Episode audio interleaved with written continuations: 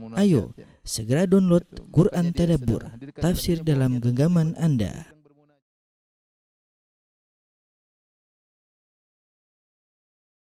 Bismillahirrahmanirrahim. Assalamualaikum warahmatullahi wabarakatuh.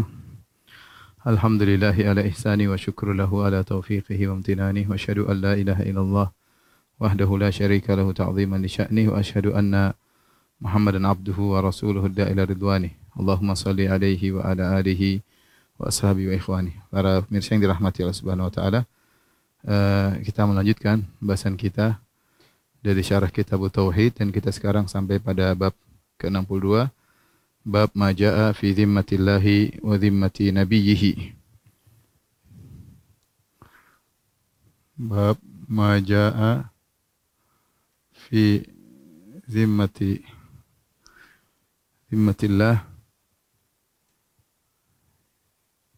zimmati nabiyhi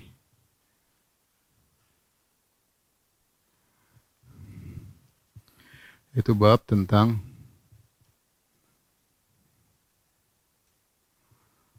uh, tanggungan Allah ya.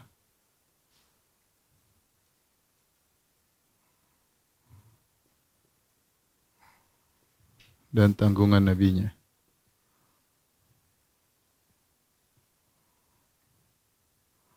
Maksud tanggungan di sini, zimmah maksudnya di sini, zimmah adalah al-ahad, yaitu janji, ya.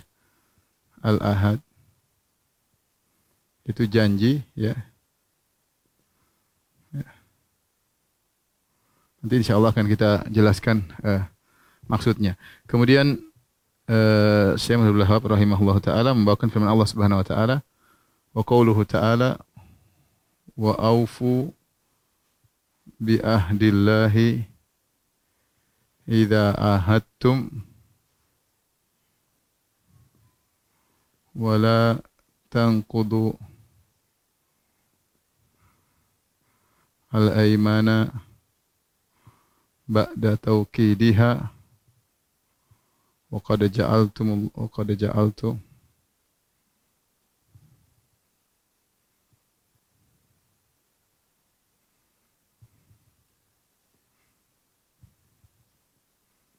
كفيلة. إن الله يعلم ما تصنعون.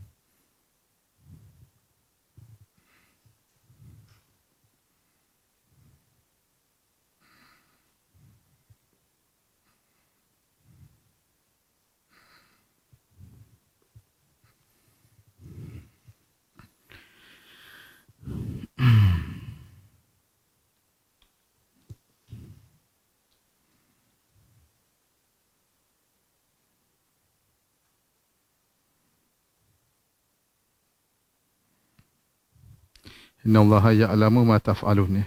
Inna Allah ya'lamu ma taf'alun.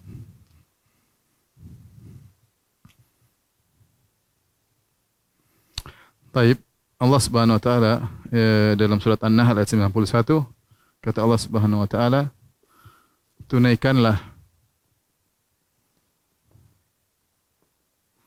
janji Allah eh, janji kepada Allah. Idza ahadtum jika kalian kalian berjanji. Wala tanqudu janganlah kalian batalkan.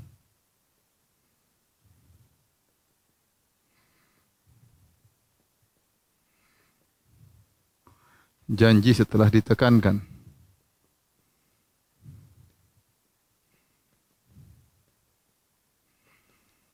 sementara kalian telah waqad ja'altumullah sementara kalian telah.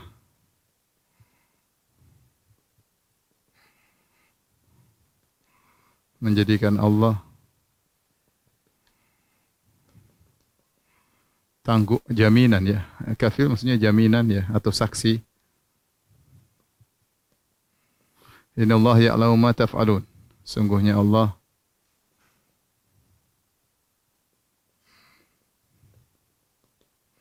mengetahui apa yang kalian lakukan.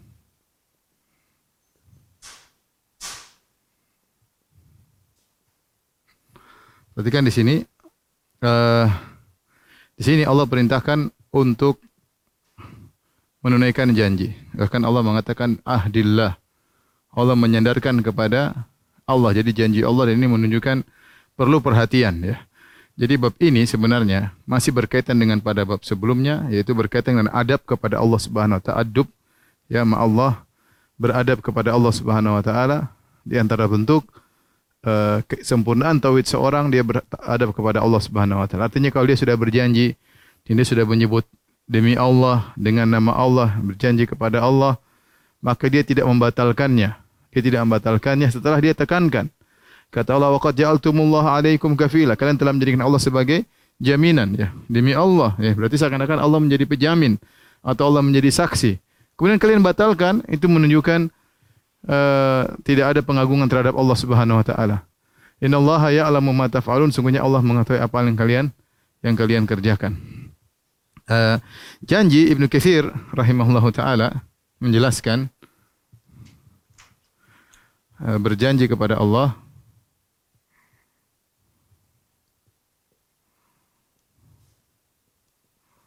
ada dua model ya. Yang pertama uh, yang berkaitan dengan motivasi kepada diri sendiri.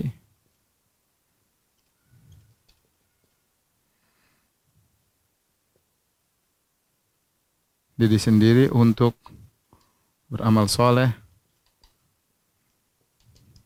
Soleh atau meninggalkan maksiat misalnya.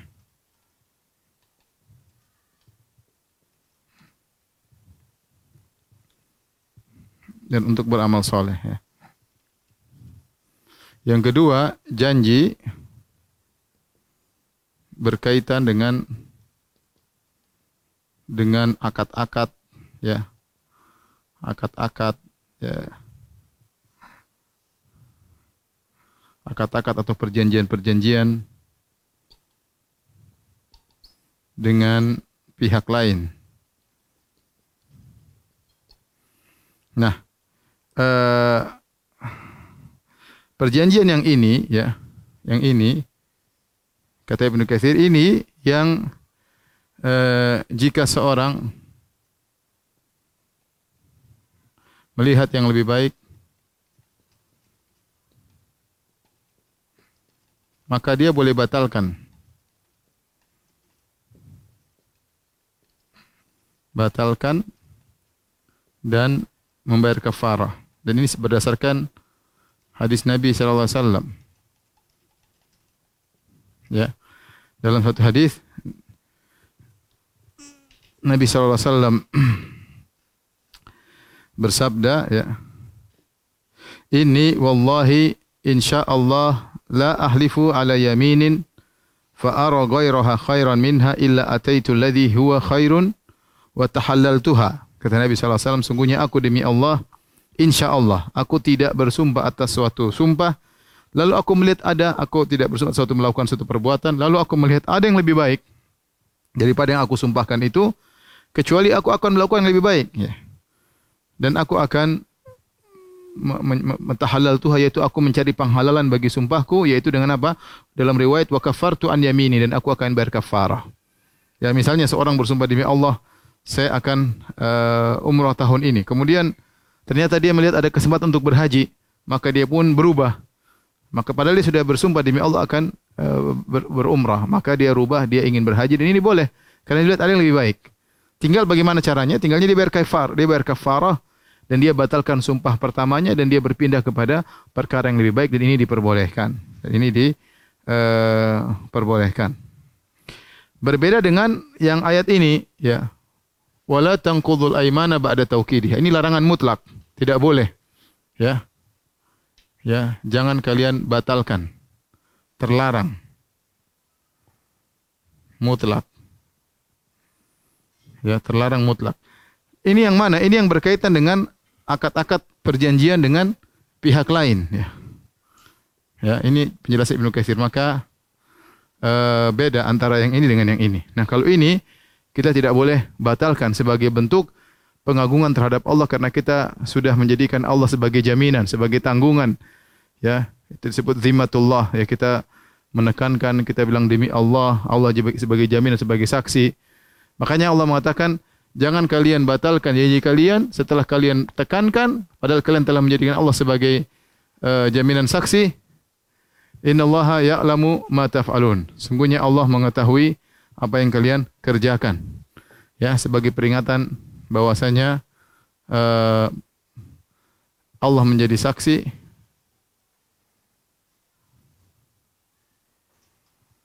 berbeda dengan saksi-saksi yang lain. Kalau saksi yang lain bisa kita tipu, bisa kita bohongin, bisa kita sembunyikan sebagian, ya, saksi lain juga bisa lupa, ya, tidak tahu apa yang kita lakukan, beda kalau Allah menjadi saksi, innallaha ya'lamu ma taf'alun. Allah mengetahui apa yang kalian lakukan. Ingat saksinya adalah Allah, jaminannya adalah Allah Subhanahu wa taala.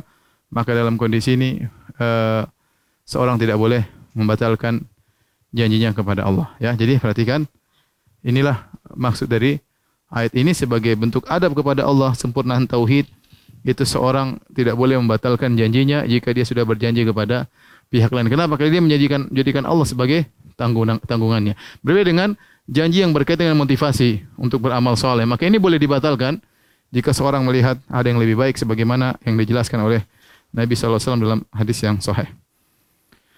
Uh, kemudian bahwasanya kita tahu mengingkari janji ya. Itu adalah ciri-ciri orang-orang munafik ya. Dalam uh, apa namanya dalam banyak hadis di antaranya ayatul munafik salas ya. Bahwasanya tanda-tanda orang munafik ada tiga. Di antaranya ya wa idza wa'ada akhlafa jika dia berjanji dia menyelisih wa idza ahada qadara ya. Wa idza ahada qadara jika dia wa ada akhlafa dia berjanji sama orang dia menyelisihi wa idza ahada sudah dia bikin perjanjian dia berkhianat ya. Apalagi dia berjanji dengan nama Allah.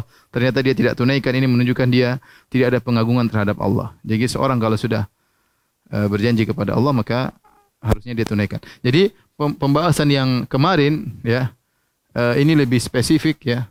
Mirip yaitu kita mengagungkan Allah dengan menunaikan janji tatkala kita sudah uh, menyebutkan nama Allah. Kita lanjutkan hadis yang berkaitan dengan bab ini An Buraidah bin Husayb radhiyallahu taala anhu ya beliau berkata kana Rasulullah sallallahu alaihi wasallam idza amara amiran ala jaishin aw sariyatin aw sahu fi khassatihi bi taqwallah. Ya. Adalah Nabi sallallahu alaihi wasallam jika uh, mengangkat suatu pemimpin dalam suatu pasukan yaitu menjadi pemimpin perang au sariyah, sariyah itu pasukan-pasukan kecil. Ya.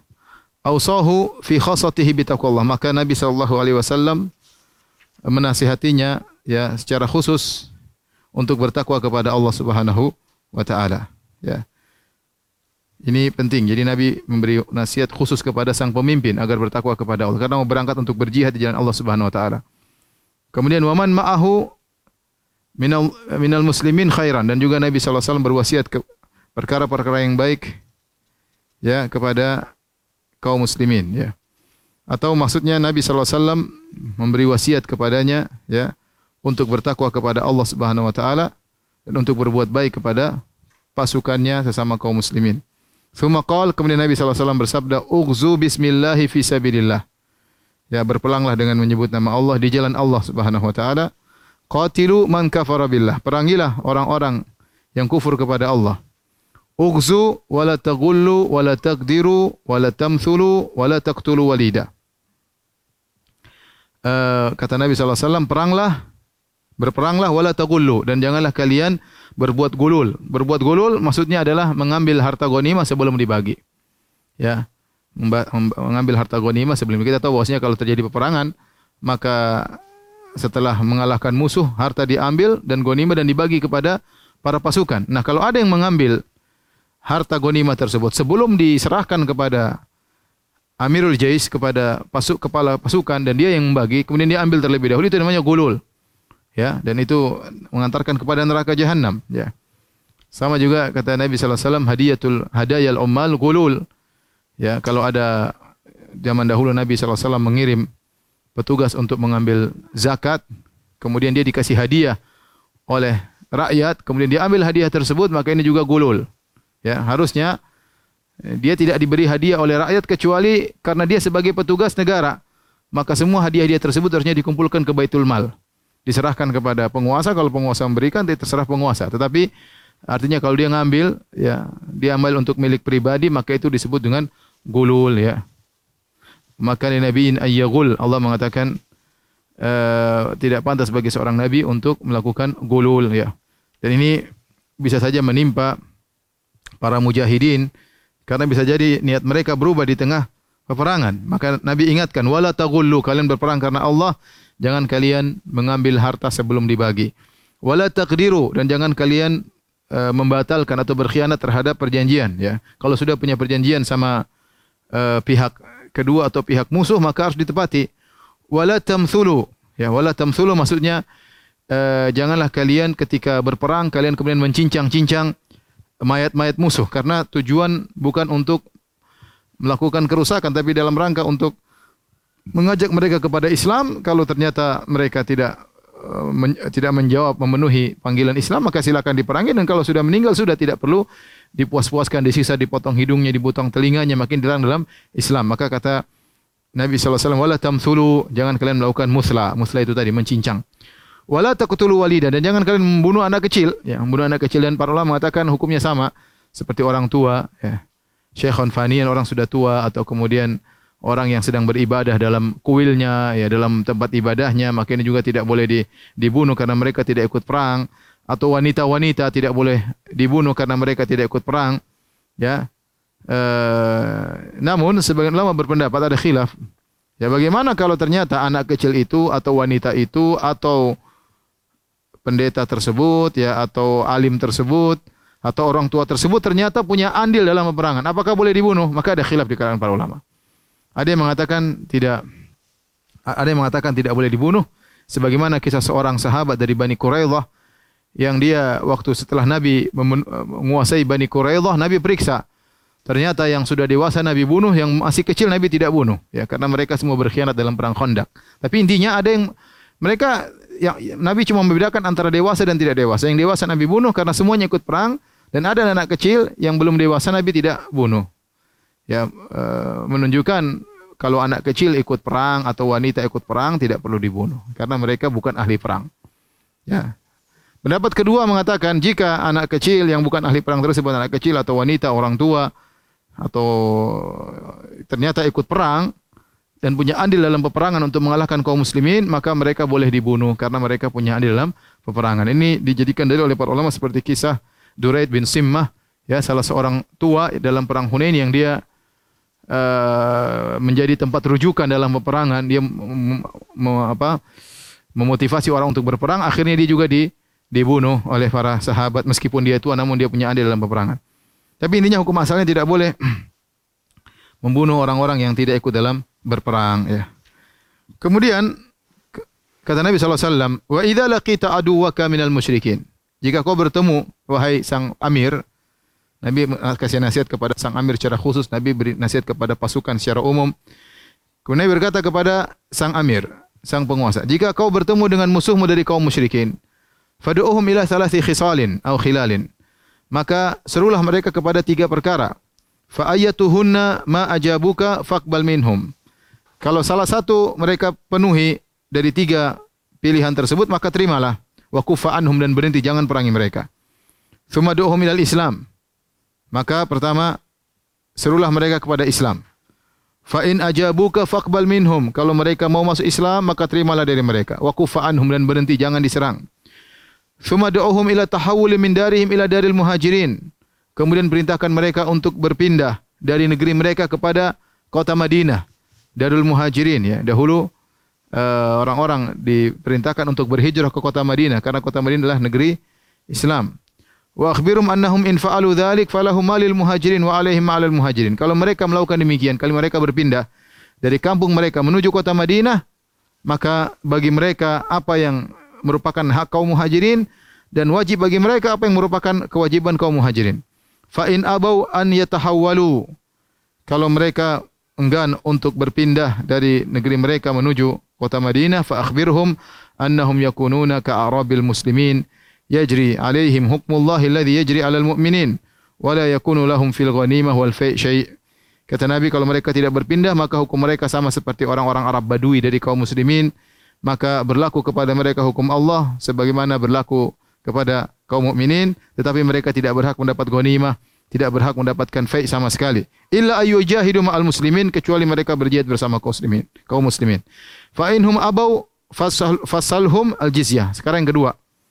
Kalau mereka tidak mau masuk Islam jadi kalau masuk Islam perinciannya begini kata Nabi sallallahu alaihi wasallam. Kalau ternyata mereka tidak mau masuk Islam, maka mintalah jizyah. Mintalah jizyah, yaitu semacam upeti atau semacam pajak ya dari mereka. Ya. Fa inhum ajabuka faqbal minhum. Kalau mereka ternyata mau bayar jizyah, maka terimalah dari mereka.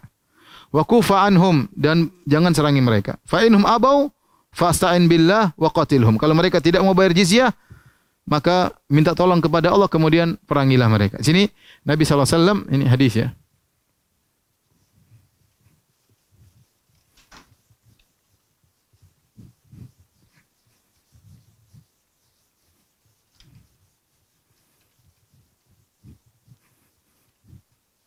Kata Nabi SAW tatkala berperang, Nabi mengatakan, berilah mereka uh, satu dari tiga pilihan. Mana tiga pilihan tersebut mereka pilih, maka terimalah ya. Apa tiga pilihan tersebut? Yang pertama, masuk Islam. Kalau masuk Islam, maka ada perinciannya. Ini pilihan pertama. Yang kedua adalah bayar jizyah. Yang ketiga adalah berperang. Diperangi. Ya. Diperangi. Uh, kalau masih Islam selesai. Kalau tidak mau boleh bayar bayar jizyah. Bayar di sini ada khilaf di kalangan para ulama. Ini khilaf. Apakah hanya berlaku hanya berlaku bagi ahlul kitab sebagian dalam dalam Al-Qur'an ya. Hatta yu'tul jizyata ayyadi wa hum saghirun ya dalam surat Taubah. Ya hanya tentang ahlul kitab dalam surat At-Taubah. Atau ahlul kitab dan majusi juga boleh. Kitab dan majusi. Dan ini datang dalam hadis bahwasanya Nabi juga sallallahu alaihi wasallam menerima jizyah dari majusi. Ya atau umum mencakup kaum musyrikin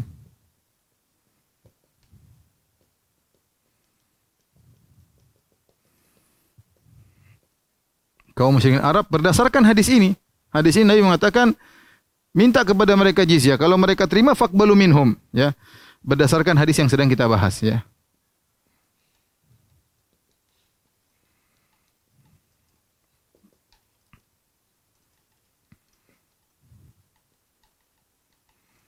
Ya.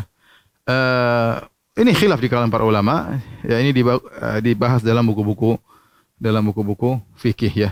Tetapi maksud saya uh, ada pilihan, boleh masuk Islam atau bayar bayar jizyah. Adapun berapa ukuran jizyah yang harus dibayar sebagai bentuk ketaatan ya? Berapa ukurannya? Maka ada beberapa pendapat ya. Sebagian pendapat mengatakan ya, ada khilaf juga ada yang mengatakan kembali kepada ijtihad sang kepala negara dalam menghadapi hal tersebut. Kira-kira ukuran seberapa dia mengatakan setiap orang bayar entah berapa dirham atau berapa dinar ya ada aturannya dalam buku-buku fikih disebutkan ya. Taib. Jadi kalau tidak mau masuk Islam, kemudian tidak mau bayar jizyah, tinggal yang ketiga diperangi, ya, diperangi. Jadi dalam Islam ada namanya jihad difa, ada jihad talab, ya. Jihad difa yaitu kalau orang menyer, orang menyerang kita, kita membela diri. Adapun jihad jihad talab yaitu berangkat memerangi orang-orang musyrikin agar mereka masuk Islam, ya, agar mereka masuk Islam sehingga tidak ada kekufuran ya. Hatta la takuna fitnat fitnatun wa yakuna ad-dinu kulluhum lillah ya. Wa qatiluhum. Perangilah mereka sampai tidak ada fitnah sampai tidak ada kesyirikan di atas muka bumi ya. Atau uh, sampai agama Islam yang unggul ya. Baik. Kemudian kata Nabi SAW, Wa idha hasarta ahla hisnin, kalau engkau ternyata mengepung uh, orang-orang musyrikin dalam dalam benteng mereka, ya, sehingga mereka tidak bisa keluar, sehingga mereka, mereka tidak berkutik. Fa'araduka an taj'ala lahum Allah wa zimmata nabihi. Ini jadi perhatian kita di sini. Lantas ketika mereka dikepung, mereka minta keamanan, tapi mereka minta Allah dan Rasulnya sebagai jaminan. Ya, bersumpah dengan nama Allah dengan nama Rasulullah atau eh, bersumpah dengan nama dengan nama Allah atau dengan jaminan Rasulullah sallallahu alaihi wasallam. Fala taj'alhum dhimmatallah, maka jangan kau jadikan Allah sebagai jaminan wala dhimmata nabiyhi. Dan jangan kau jadikan nabi sebagai jaminan. Walakin ja'al lahum walakin ja'al lahum dhimmataka wa dhimmata ashabika. Tapi kau jadikan jaminan dirimu dan juga kawan-kawanmu. Fa innakum in tukhfiru dhimamakum wa dhimama ashabikum ahwanu min an tukhfiru dhimmatallahi wa dhimmata rasulih. Karena kalau kalian ternyata melanggar jaminan kalian dan jaminan pasukan kalian itu masih lebih ringan daripada kalian uh, melanggar perjanjian jaminan Allah dan jaminan Rasulullah sallallahu alaihi wasallam. Kemudian kata Nabi sallallahu alaihi wasallam wa idza hasarta ahla hisnin kalau kalian engkau mengepung karena pembicaraan kepada sang pemimpin karena dia mengambil keputusan. Jika engkau mengepung ya, jika engkau mengepung suatu kaum musyrikin dalam benteng mereka, fa araduka antun ala hukmillah dan mereka minta agar engkau uh, memperlakukan mereka di atas hukum Allah, fala tunzilhum ala hukmillah. Jangan kau melakukan hukum Allah kepada mereka. Walakin anzilhum ala hukmik, tapi kau bilang ikut hukumku, bukan hukum Allah. Kenapa? Fa innaka la tadri atusibu hukmallahi fihim amla. Kau tidak tahu apakah kau benar sesuai dengan hukum Allah atau atau tidak. Ini yang jadi perhatian kita di sini.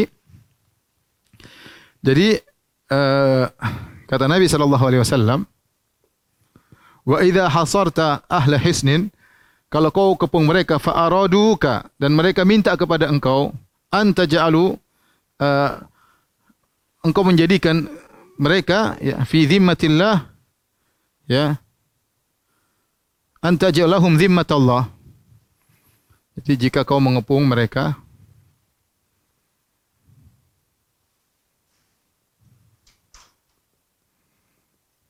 lantas mereka bikin perjanjian dengan engkau.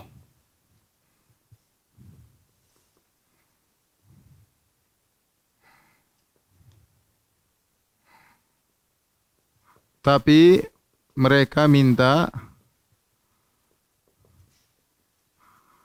engkau menjadikan Allah sebagai jaminan. Allah dan Nabi sebagai jaminan.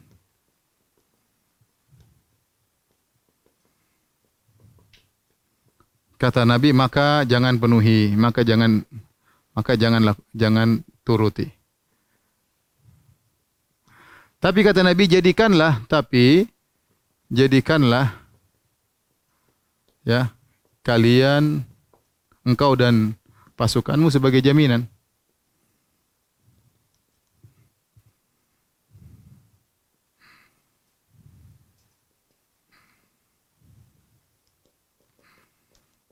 Apa masalahnya? Ya. Jadi perhatikan sini ada dua jaminan. Pertama, menjadikan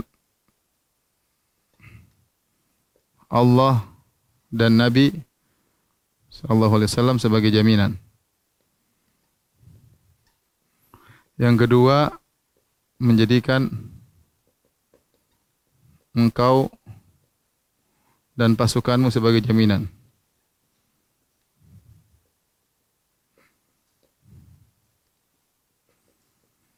Nabi mengatakan yang ini jangan kau lakukan. Tapi lakukanlah ini. Kenapa bisa demikian? Karena kalau kau mengadakan perjanjian terus sama mereka, mereka musyrik, mereka bilang, bilang demi Allah, ya. Kemudian Rasulullah sebagai jaminan kami akan melakukan demikian perjanjian dengan engkau. Kata kata Nabi jangan. Kenapa? Khawatir kalian melanggar. Kalau kalian melanggar berarti kalian tidak mengagungkan Allah.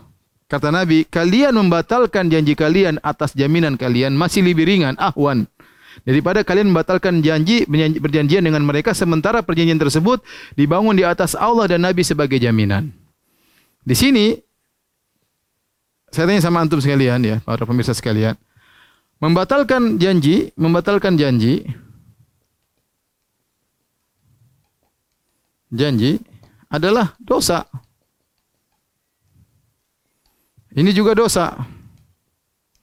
Tetapi dosa yang ini lebih besar ya. Dosa ini lebih besar. Lebih besar. Kalau kalian melanggar, seandainya terjadi pelanggaran, artinya Nabi tidak menyuruh mereka melanggar. Kalau sudah janji sama musuh, jangan melanggar. Ya. Itu sifat-sifat yang tidak baik. Tetapi kalau kalian ternyata melanggar, maka lebih baik kalian melanggar suatu perjanjian dibangun di atas kalian sebagai jaminannya, daripada kalian melanggar, kalian menjadikan Allah dan Nabi-Nya sebagai jaminan. Karena kalian harus menghormati Allah dan juga menghormati Nabi sallallahu alaihi wasallam. Ini berkaitan dengan bab yang sedang sedang kita bahas di antara bentuk pengagungan terhadap Allah yaitu mengagungkan ya zimmatullah dan zimmah Nabi sallallahu alaihi wasallam yaitu jaminan Allah dan jaminan Nabi sallallahu alaihi wasallam. Ya di sini kata para ulama ada kaidah irtikabu akhafu dararain irtikabu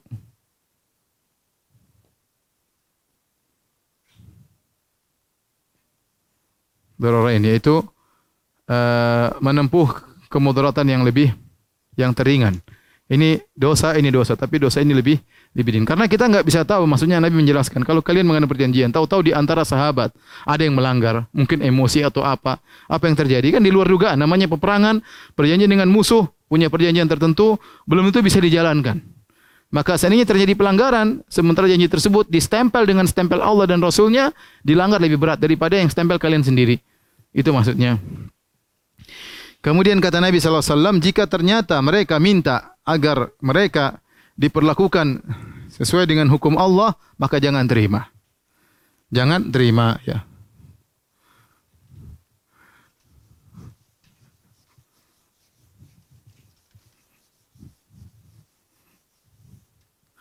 Kata Nabi sallallahu alaihi wasallam, jika mereka minta jika mereka minta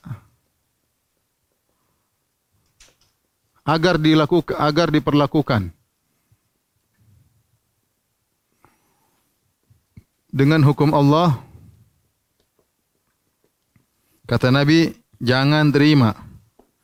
Jangan terima. Jangan terima.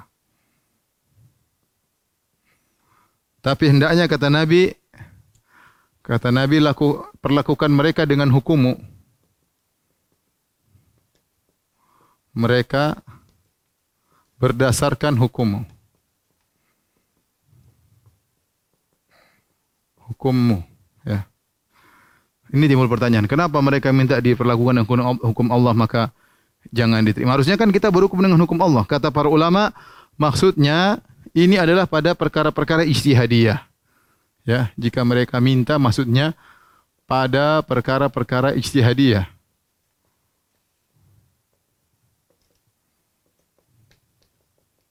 Adapun kalau perkara-perkara yang jelas dengan hukum Allah ya jelas lakukan.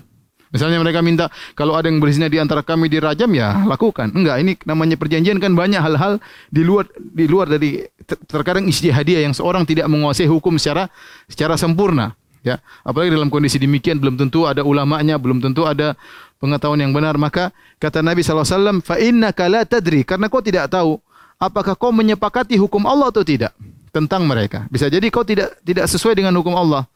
Bisa jadi kau tidak sesuai dengan hukum hukum Allah. Kenapa kata Nabi sallallahu alaihi wasallam? Karena bisa jadi hukum yang kau lakukan, yang kau terapkan kepada mereka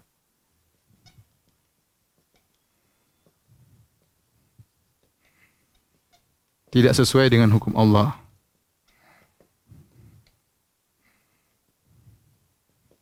Ini menunjukkan pada perkara ijtihadiyah. Bisa jadi hukum yang kau terapkan kepada mereka tidak sesuai dengan hukum Allah. Ini dalil bahwasanya eh, terkadang seorang berijtihad benar, terkadang berijtihad salah. Nabi sampaikan kepada sang pemimpin bisa jadi hukummu tidak sesuai dengan hukum Allah Subhanahu wa taala ya. Jadi terkadang kita menghadapi suatu permasalahan eh, mau tanya kepada ulama susah nanyanya belum tentu bisa telepon ulama.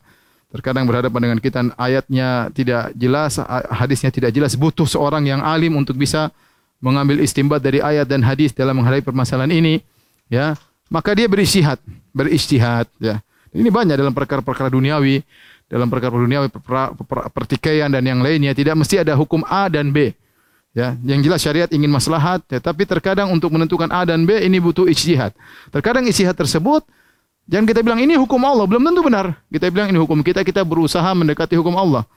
Tetapi kita tidak bisa pastikan ini hukum hukum Allah. Kecuali yang jelas-jelas seperti kalau uh, berzina sudah menikah maka dirajam, kalau belum menikah maka cuma dicambuk, pencuri dengan aturannya potong tangan. Itu jelas. Hukum Allah tidak bisa kita rubah-rubah lagi tidak perlu ijtihad. Namun ini berkaitan dengan terjadi pertikaian dengan musuh.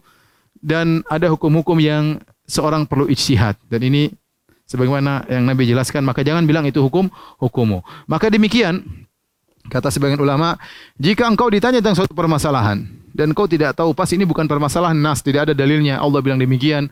Rasulullah SAW dengan jelas mengatakan demikian. Ya maka kau katakan ini hukum ya ini dari ijtihadku. Ya semoga sesuai dengan apa yang Allah kehendaki. Tapi jangan bilang ini hukum Allah. Belum tentu. Ya belum tentu. Jangan maksakan diri ini hukum Allah seperti ini. Ya, belum tentu. Dan mana tahu? Dari mana tahu? Banyak hal kita khilaf sekarang dalam hal contohnya banyak hal ya. Tidak usah kita paksakan diri ya. Ini masalah begini misalnya. Tidak ada dalilnya secara tegas. Nasnya tidak ada. Ini masih khilaf. Ini benar atau tidak atau sehingga sulit untuk menentukan ya. Contoh misalnya kita bilang apa hukum orang sholat dalam kondisi uh, pandemi dengan berjarak? Jangan kita nekat. Hukum Allah mengatakan bid'ah misalnya. Hukum Allah mengatakan tidak sah. Dari mana? Itu kan pendapatmu. Sementara banyak ulama mengatakan misalnya uh, sah. Tidak mengapa karena berdalil semuanya tidak ada kecuali ada Nabi mengatakan barang siapa dalam masa pandemi maka boleh solat dengan berjarak. Ya ini kita bilang ini hukum Allah seperti ini. Rasulullah bilang ada nasnya. Atau Rasulullah mengatakan barang siapa yang solat dalam kondisi wabah COVID-19 kemudian dengan berjarak tidak sah. Ini tidak ada ini juga tidak ada. Maka ini semua ijtihad.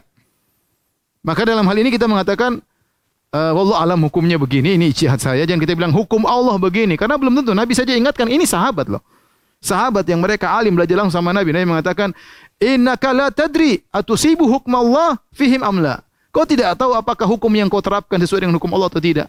Maka jangan bilang kalau mereka bilang harus syaratnya dengan hukum Allah. Bilang jangan. Karena saya tidak menguasai hukum Allah seluruhnya. Kecuali kalau Nabi. Nabi iya. Pasti hukum Allah. Tapi ini sahabat. Jauh dari Nabi. Tidak bisa whatsappan. Tidak bisa teleponan. Maka saatnya dia, sahabat ini beristihad di sana.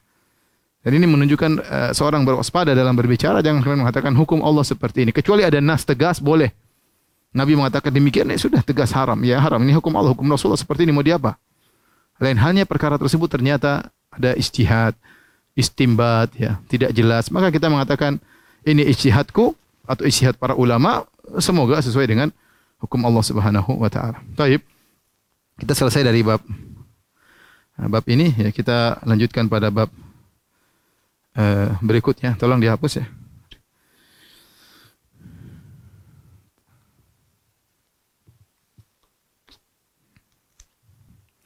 Bab ke-63 bab maja'a fil iksam 'ala Allah.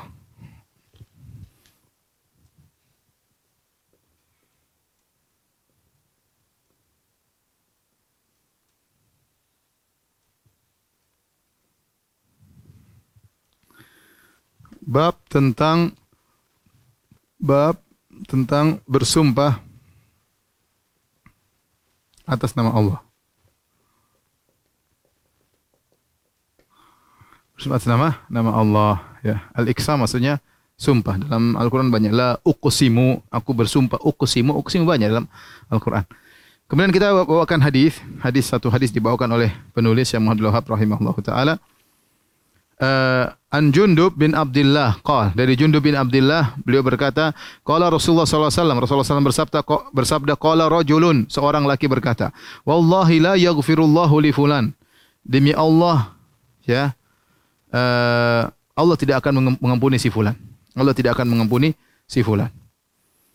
Faqala Allah azza wa jalla maka Allah berkata man dzal ladzi yata'alla alayya alla aghfira li fulan Ya, siapa yang berani bersumpah atas namaku bahwasanya aku tidak akan mengampuni si fulan. Inni qad ghafartu lahu ahbatu amalak. Sungguh aku telah mengampuni dia dan aku gugurkan amalmu. Hadis riwayat Muslim. Wa fi hadis Abu Hurairah dalam hadis Abu Hurairah annal qaila rajulun abi. Ternyata di sini diriwayatkan dalam beberapa riwayat di antaranya dalam dari Jundab bin Abdullah dari riwayat Abdul Abu Hurairah. Ternyata lelaki yang mengatakan Allah tidak akan mengampuni si fulan ternyata rajulun abid, seorang yang ahli ibadah. Qala Abu Hurairah, Abu Hurairah mengomentari takallama bi kalimatin aw baqat dunyahu wa ukhrahu. Dia ber, berbicara dengan uh, suatu perkataan yang menghancurkan dunianya dan akhiratnya. Taib, di sini perhatikan bersumpah dengan nama Allah ada tiga model kata Syekh Utsaimin rahimahullah taala dalam uh, Qaul Mufid ada tiga model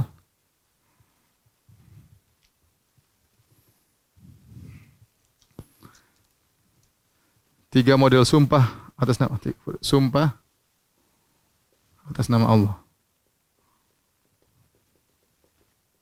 Al-Iksam ala Allah. Yang pertama bersumpah dengan nama Allah berkaitan dengan hukum-hukum yang jelas dari Allah, hukum-hukum yang jelas dari Allah atau dari Rasulullah sallallahu alaihi wasallam. Contoh mengatakan demi Allah. Contoh demi Allah. Orang musyrik kekal di neraka. Misalnya. Tak apa-apa, ini enggak ada masalah penekanan. Demi Allah, orang musyrik kekal di neraka. Enggak ada masalah. Contoh mengatakan demi Allah. Ya. Orang zalim binasa pada hari kiamat. Kenapa? Karena kata Nabi wasallam, "Adz-dzulmu dzulumatun yaumal qiyamah." Demi Allah, enggak ada masalah. Ini bersumber dengan nama Allah berkaitan hukum Allah yang jelas dari Allah. Tapi yang kedua, bersumpah dengan nama Allah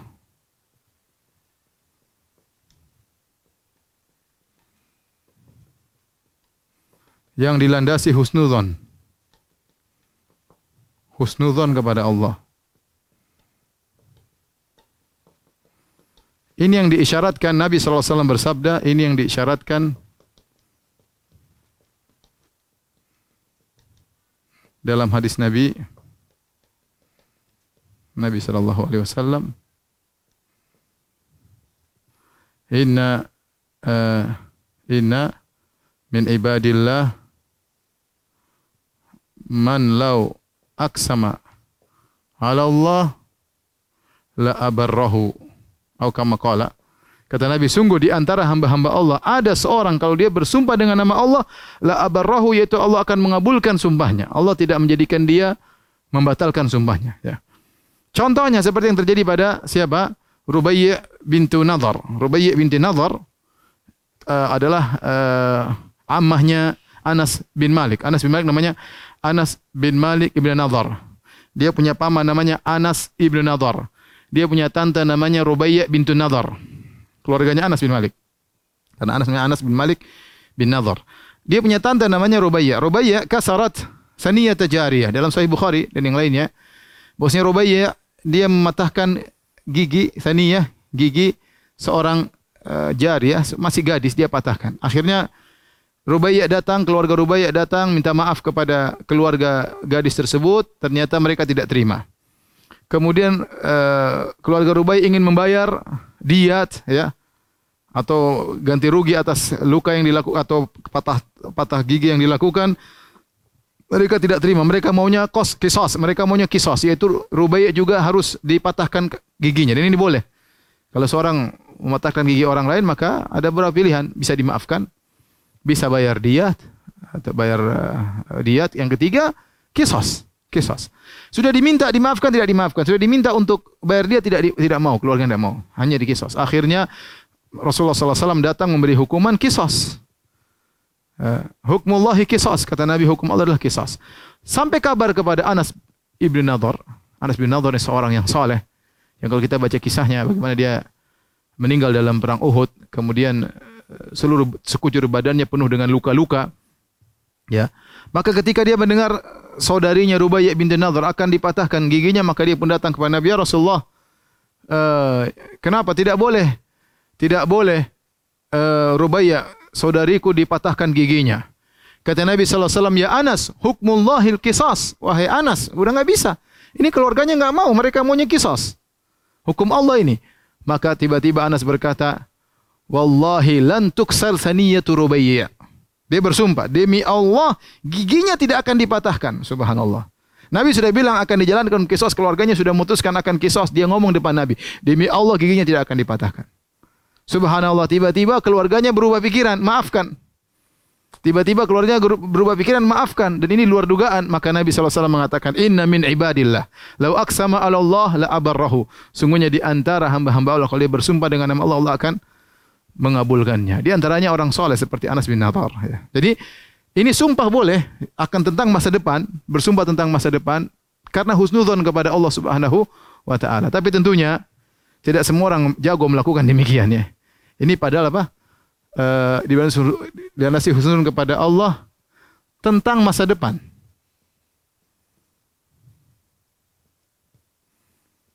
Dan ini dilakukan oleh apa orang-orang soleh. Contoh tadi siapa? Anas bin Nadar. Ya, Anas bin Nadar dia bersumpah demi Allah tidak akan dipatahkan giginya Rubaiyah. Ya, ada orang-orang seperti itu soleh. Demi Allah pasti di Allah akan begini. Insya Allah demi Allah akan begini. Ternyata terjadi. Orang tapi ya, seperti kita kita ini tidak berani kita seperti ini. Tapi ini orang-orang soleh, wali-wali Allah yang mereka berani mengatakan demikian dan benar.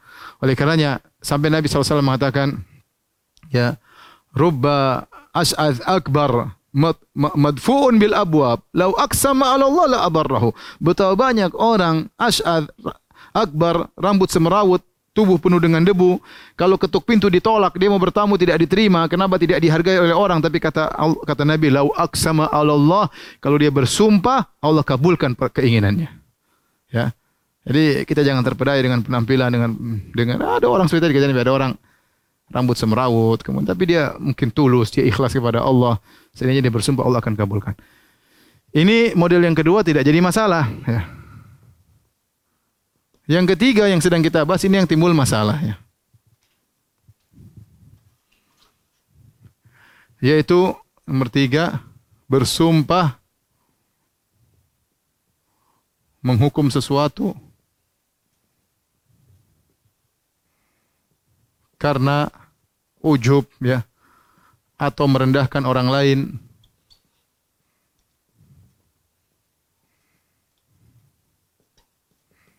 Contoh hadis yang sedang kita bahas. Contoh contoh hadis yang sedang kita bahas. Hadis yang sedang kita bahas.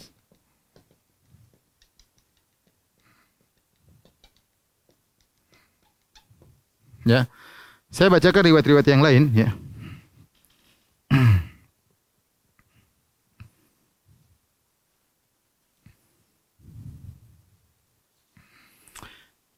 Eh, kata Rasulullah SAW dalam hadis Abu Hurairah, ya. Uh,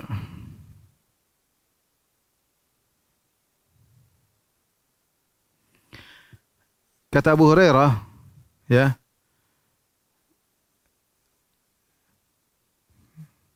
Inna hadhihi la kalimatun yaquluha ahaduna li ba'dhi ahlihi idza ghadib aw li zawjati aw li khadimihi.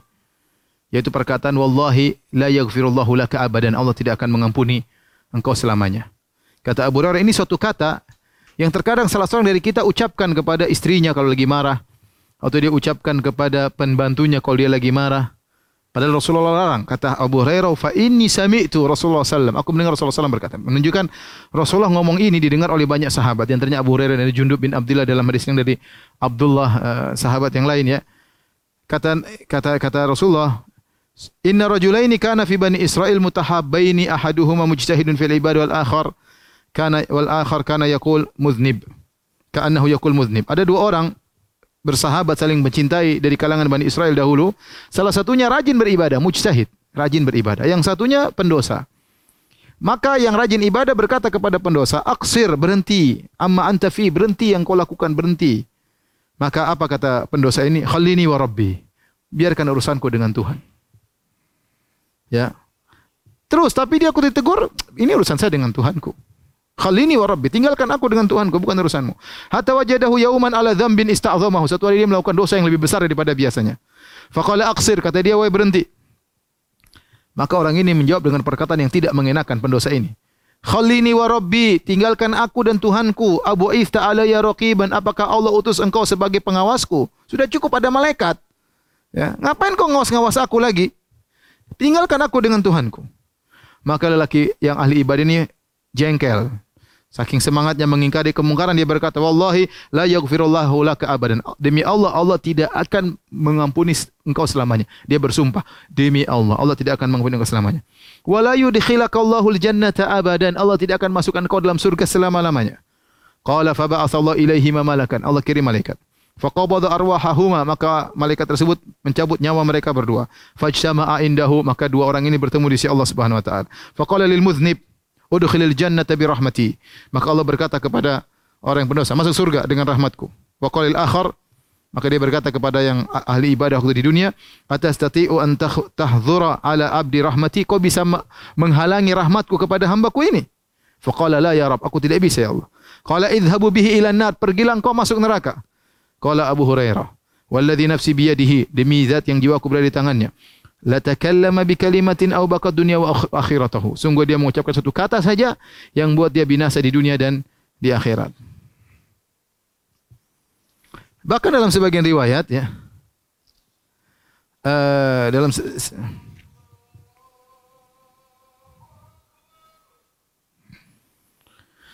Allah Allah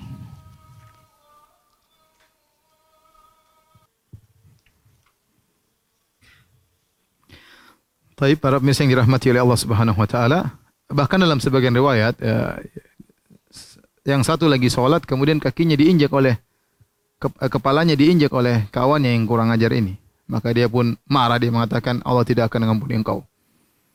Jadi intinya uh, orang ini tidaklah mengucapkan perkataan demikian kecuali dia menggunakan logikanya atau dia ujub kepada amalnya atau dia merendahkan orang lain sehingga dia merasa rahmat Allah yang begitu luas ternyata tidak bisa mengenai orang yang tukang maksiat ini. Kenapa? Berulang-ulang maksiat dikasih tahu, akhirnya dia emosi. Ini dalil bahwasanya orang kalau bernahi mungkar hati-hati. Jangan sampai dia bernahi mungkar kemudian saking dia emosi dia mengatakan kata-kata yang tidak benar. Mungkin ada orang gini ini orang munafik, orang munafik, neraka. Oh enggak enggak bisa, hati-hati. Apalagi berbicara tentang akhirat. Kalau kita bicara tentang orang di dunia, kita bilang boleh dia pembohong dia, tapi mengatakan kamu ini pasti neraka. Orang seperti kamu pasti ini enggak boleh seperti itu. Karena kita berbicara tentang seakan-akan Allah tidak akan mengampuni dia. Ya. E, maka hati-hati ya. E, kita tidak boleh memfonis ya karena saking emosi dalam dalam bernahi mungkar. Oleh karenanya bernahi mungkar juga butuh fikih, butuh ilmu. Tidak boleh orang hanya sekedar semangat bernahi mungkar kemudian dia akhirnya melampaui batas, ya. Wallah alam sebagian orang berpendapat bahwasanya orang ini ketika dia mengatakan khalini wa rabbi, tinggalkan aku dengan Tuhanku. Mungkin dia istighfar, mungkin dia bertobat ya. Uh, Karena kalau orang bertobat, kemudian memenuhi persyaratan tobat, kemudian dia maksiat lagi, tobatnya diterima. Kemudian maksiat lagi, kemudian dia bertobat lagi, sebenarnya dalam hadis ternyata tobatnya sesuai memenuhi persyaratan dimaafkan lagi. Kemudian bertobat lagi, uh, uh, dimaafkan ya. Jadi ini sumpah yang model ketiga ini dilarang berbahaya karena berkaitan dengan memfonis seorang di akhirat dan itu adalah hal yang gaib yang tahu hanyalah Allah Subhanahu wa taala apalagi kemudian membatasi rahmat Allah Subhanahu wa taala ya. Dan ini adalah perkara yang besar menunjukkan bentuk tidak mengagungkan Allah Subhanahu wa taala. Ya, dan ini bertentangan dengan tauhid. Ya, enak saja dia berhukum kau tidak akan diampuni kau sementara dia tidak tahu betapa luas rahmat Allah Subhanahu wa taala. Demikian saja para pemirsa yang dirahmati Allah Subhanahu wa taala. Insyaallah kita masih ada tiga bab lagi kita habiskan insyaallah uh, pada pertemuan-pertemuan besok agar kita selesai dari kitab tauhid. Kurang lebihnya saya mohon maaf. Subhanakallah bihamdik asyhadu an la ilaha illa anta astaghfiruka. Assalamualaikum warahmatullahi wabarakatuh.